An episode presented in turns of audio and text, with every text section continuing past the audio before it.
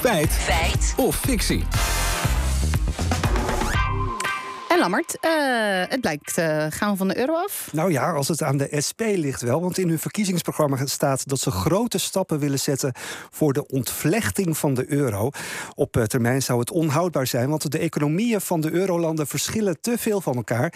SP-Kamerlid Mahir Alkaya zei hierover in de podcast, en gratis bier voor iedereen, zo heet die podcast van BNR dit. Het is inderdaad een duivels dilemma. Het zal niet makkelijk zijn, alleen de analyse is en blijft Nederland is er niet op vooruit gegaan met de euro. We zijn erop achteruit gegaan. Wat een moeilijk woord, ontvlechting. Ja, ik vond het ook moeilijk. Ja. ja, maar willen ze dan ook uit de EU? Nou, dat weer niet. Maar ze willen met EU-staten onderhandelen over een nieuw Europees verdrag... waarin burgers dan meer inspraak krijgen en lidstaten meer eigen bevoegdheden. En dat verdrag willen ze vervolgens in een referendum dan voorleggen... want dat kan nu aan de Nederlandse bevolking. En kan je dan als EU-land uh, dan een, een euro-exit doorvoeren? Nou nee, want een euro-exit betekent officieel ook een EU-exit. Uh, ja, met de brexit hebben we gezien hoe uh, dat uit kan pakken. We vroegen aan Hans Hogevorst, onder andere oud-minister van Financiën, hoe dat precies zit. Ik denk in de praktijk uh, zal men Nederland niet uit de EU, EU, willen laten stappen. Dus daar valt wel een mouw aan te passen als je het zou willen. Omdat uh, Nederland te belangrijk is voor de Europese Unie. En in de praktijk is het Europees recht vaak heel erg flexibel. Dus ik geloof nooit dat men Nederland eruit zal willen gooien. Ja, Wim Boonstra is universitair hoofddocent aan de Vrije Universiteit Amsterdam en oud-Rabobank-econoom.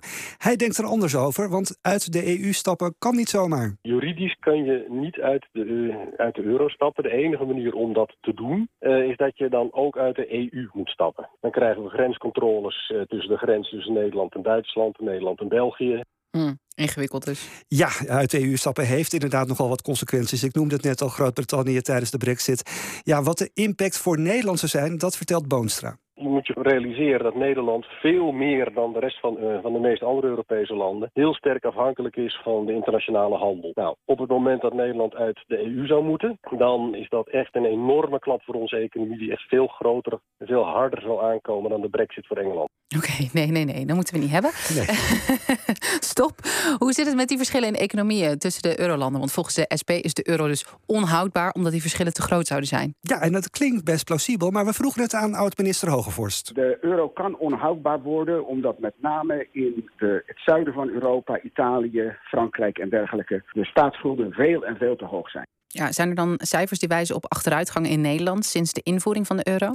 Nou, hoofddocent Wim Boonstra van de Vrije Universiteit van Amsterdam heeft het niet over achteruitgang. Inflatie in de eurozone, ook in Nederland, is over de hele periode gemiddeld niet hoger geweest dan in de guldenstijdperk. En onze export heeft enorm geprofiteerd. We hebben een uh, cumulatief overschot op de lopende rekening sinds de invoering van de euro van zo'n 900 miljard euro. Dat is dus bijna 100% BBP. Dat wij een periode van ruim 20 jaar aan overschot in de handel met de rest van de wereld. Het grootste deel met de rest van Europa heeft geboekt. Goed, SP-Kamerlid Mahir Alkaya stelt dus dat Nederland er sinds de euro op achteruit is gegaan. Klopt dat? Nou, Boomstra zegt fictie. Hogevors is het daar grotendeels mee eens. En om er 100% zeker van te zijn wat het nou is, belden we met CBS-hoofdeconoom Peter Heijn van Mulligen.